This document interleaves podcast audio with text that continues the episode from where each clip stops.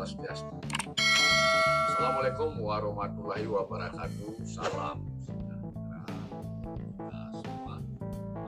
Uh, salam semangat rekan-rekan, sahabat, yang ada di ini. Pada sore hari ini, tanggal 4 Maret 2022, uh, uh, suasana tahun baru Saka ini. Saya Gus Presi Gus Beng, uh, kembali dengan uh, saudara-saudara semua melalui channel podcast saya ini. Pada sore hari ini, ini mohon maaf, ini jam kopi sore saya jadi izinkan saya sampai kopi sore. Uh, pada sore hari ini saya ingin membahas tentang uh, wacana pemindahan ibu kota negara. Sebenarnya bukan wacana, tapi uh, bagaimana mengimplementasikan uh, pemindahan ibu kota negara yang sudah dituangkan dalam Undang-Undang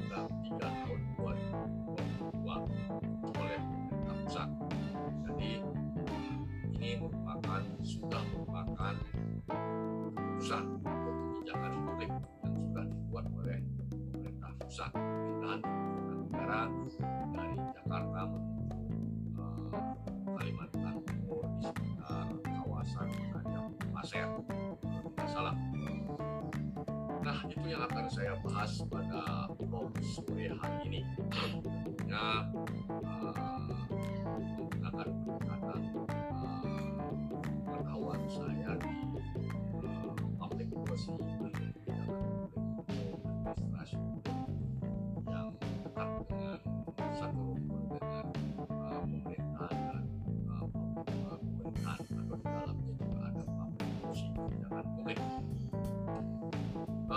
ketika kita mengatakan undang-undang 3 2022 ini sudah disahkan oleh pemerintah pusat. Nah begitu bukan hanya begitu disahkan, tapi sebelum disahkan sudah eh, mohon maaf menimbulkan pro kontra eh, tengah atau masyarakat. Namun sebagai orang yang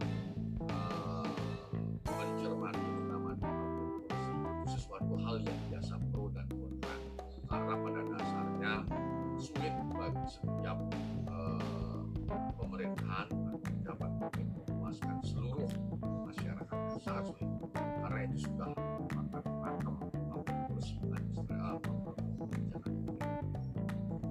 Nah terlepas tanpa tentunya tanpa mengabaikan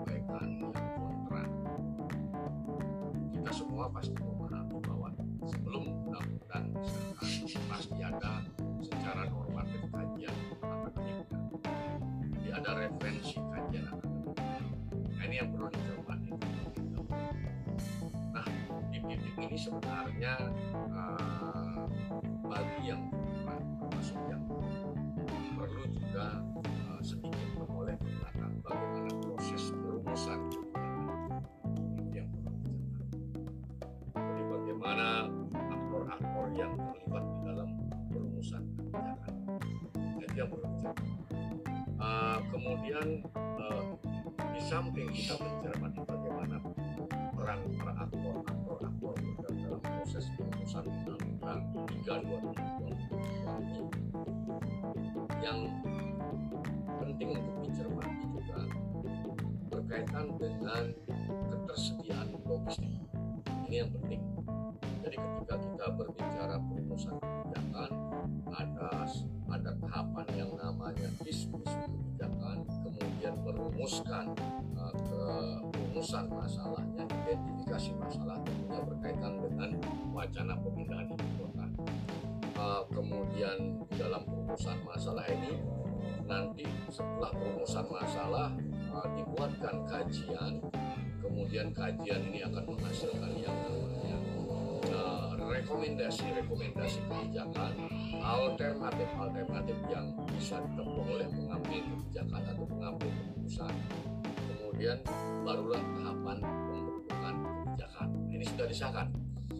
Nah, ketika kita berbicara yang notabene referensinya pasti salah satunya uh, teori uh, formulasi kebijakan yang paling uh, umum digunakan adalah rasional komprehensif itu yang yang saya katakan tadi hal-hal yang dibahas nah ini karena sudah undang-undang ditetapkan di titik ini yang perlu dipikirkan oleh kita semua adalah bagaimana implementasinya ke depan sehingga undang-undang ini bisa dilaksanakan dengan baik dan maksimal.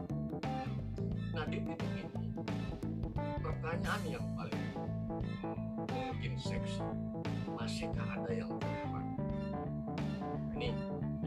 Kontra ini mungkin uh, banyak kemungkinan yang menyebabkan seseorang atau sekelompok orang-orang kontra terhadap pemindahan ibu kota itu.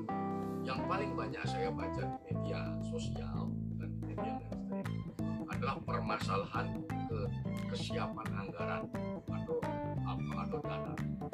Ini yang paling banyak diperdebatkan. Artinya apa? Artinya yang menjadi titik kritis adalah anggaran.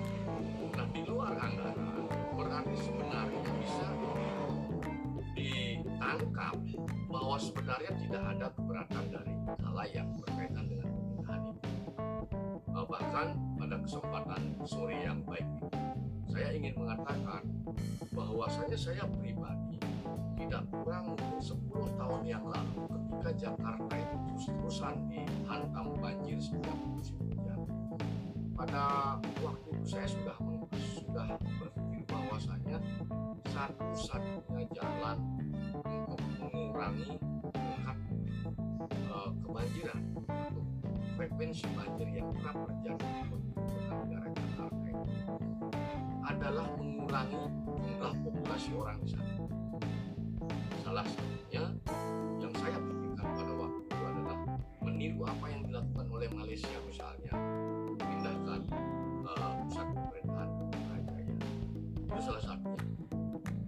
Kemudian ternyata ada negara-negara lain yang juga memindahkan uh, memisahkan pusat bisnisnya dengan pusat pemerintahan. Nah itu, yang saya pikirkan beberapa tahun yang lalu sebelum ada uh, Undang-Undang 3 2022. Artinya ketika undang-undang disahkan sebenarnya ini sudah uh, sekali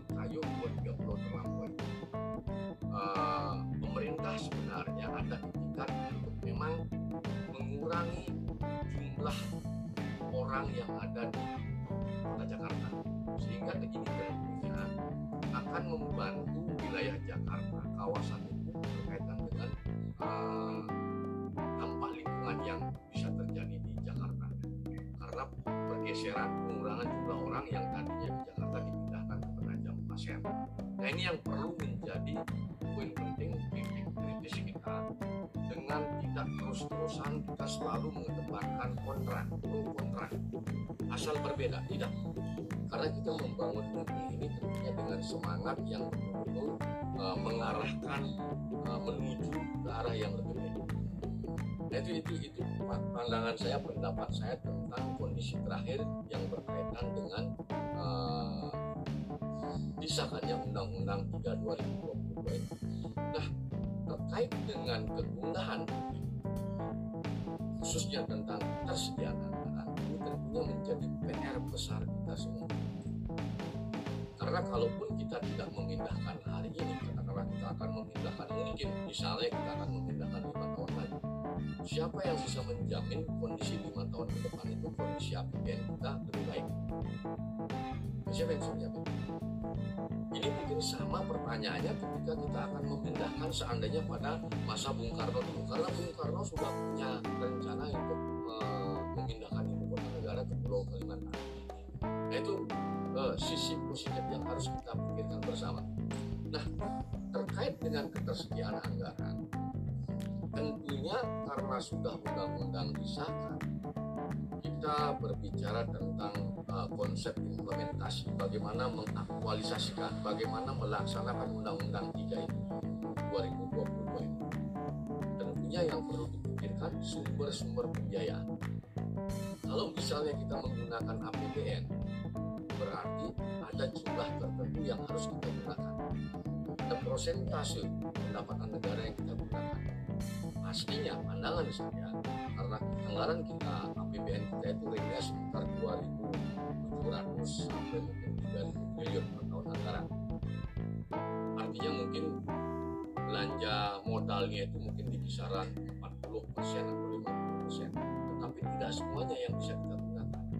Artinya peluang yang ada bisa saja kita menggunakan APBN tetapi menggunakan uh, pola atau model more years mungkin mencicil setiap tahun anggaran berapa triliun karena ke, uh, kebutuhan pembangunan ibu kota negara itu kisaran 400 sampai 500 triliun. Nah itu yang perlu kita cermati. Jadi kalau kita menggunakan pola skema kita menggunakan APBN apabila kita menggunakan skema atau pola yang ketiga ini pastinya uh, ada ada semacam bunga yang harus kita bayar. Kalau kita menggunakan konsorsium atau modal. Nah, ini tentunya ketika kita uh, harus membayar uh, membayar uh, sesuatu yang lebih dalam artian yang bunga kepada pihak ketiga ini tentunya akan berimplikasi terhadap APBN juga. Ada nilai yang lebih besar yang harus kita keluarkan. Pada rentang berapa tahun? Mungkin lima tahun dicicil atau 10 tahun dicicil ke yang ketiga itu nah ini yang yang perlu menjadi uh, pikiran kita semua. Uh, sehingga tidak ujuk-ujuk bahasa di tengah masyarakat itu seolah-olah asal berbeda kontra. Sementara masalah ini harus kita selesaikan hari ini. Akan lebih baik masalah masalah banjirnya Jakarta ini kita selesaikan hari ini tidak menunggu tahun depan tidak menunggu dua tahun lagi tidak menunggu tiga tahun lagi tidak menunggu lima tahun lagi apalagi 10 tahun. Karena kacamata saya tadi suka tidak suka musim di musim penghujan Jakarta itu terus dihantam dengan banjir. Dan ini mempengaruhi aktivitas tidak hanya aktivitas aktivitas sehari-hari warga aktivitas bisnis aktivitas ekonomi tetapi juga aktivitas pemerintahan kita nah langkah yang ditempuh itu sebenarnya sudah sangat bagus. Hanya saja yang perlu kita cermati tadi masalah pendanaan pembiayaan. Kemudian masalah yang muncul juga yang saya baca uh, banyak uh, aparat aparatur pemerintah yang belum belum mau pindah ke penajam pasir. Nah ini tentunya perlu dilakukan komunikasi oleh pemerintah, oleh elit-elit yang ada di departemen departemen-departemen elit-elit yang ada di Jakarta. Bagaimana melakukan komunikasi, kemudian dipelajari lagi bagaimana perilaku aparatur, kira-kira solusinya seperti apa ini tentunya secara parsial dipilah-pilah masalahnya. Jadi bagaimana isu-isu yang berkembang yang ada di kementerian-kementerian kemudian dirumuskan apa yang menjadi masalah mereka kemudian dibuatkan kajian kemudian ditawarkan alternatif alternatif kepada mereka sehingga nantinya tidak mengganggu proses pemindahan ibu kota utamanya yang berkaitan dengan organisasi pemerintah ini karena kalau ASN ini betul-betul banyak yang tidak mau pindah ke ke penajam pasar tentunya akan mengganggu juga kinerja pemerintah pusat. Nah itu yang perlu dicermati. Uh, kemudian uh, uh, di samping masalah anggaran dan aparatur tadi tentunya yang paling penting bagaimana kesiapan uh, masyarakat ada yang di uh, masyarakat di sekitar kawasan atau lokasi kota negara baru ini yang perlu dicermati kembali karena ini ini nantinya uh, akan berpengaruh terhadap interaksi ke depan antara komunitas yang baru ini orang-orang yang ada di kota negara dengan masyarakat penyandingnya jadi jangan sampai nanti uh, apa namanya terjadi Nah itu hal-hal yang uh, berkaitan dengan uh, wacana atau implementasi atau bagaimana uh, melaksanakan pemindahan kota dari Jakarta ke Kalimantan Timur. Itulah hal-hal yang menjadi isu-isu penting, titik-titik krusial yang perlu kita cermati bersama sehingga pemindahan ibu kota dari Jakarta menuju Penajam Pasir ini bisa berjalan uh, dengan lancar, bisa berjalan dengan baik, tentunya bisa dilaksanakan uh, dalam tempo atau waktu yang lebih cepat. Mungkin itu hal yang bisa saya sampaikan berkaitan dengan uh, wacana atau implementasi Undang-Undang 3 2022 tentang pemindahan kota negara dari Jakarta ke Kalimantan Timur. Demikian saya sampaikan. Apabila dalam penyampaian saya ini ada yang kurang berkenan, saya mohon maaf. Saya tutup dengan menyampaikan Pranama Santi. Om Santi Santi Santi Assalamualaikum warahmatullahi wabarakatuh. Salam sejahtera untuk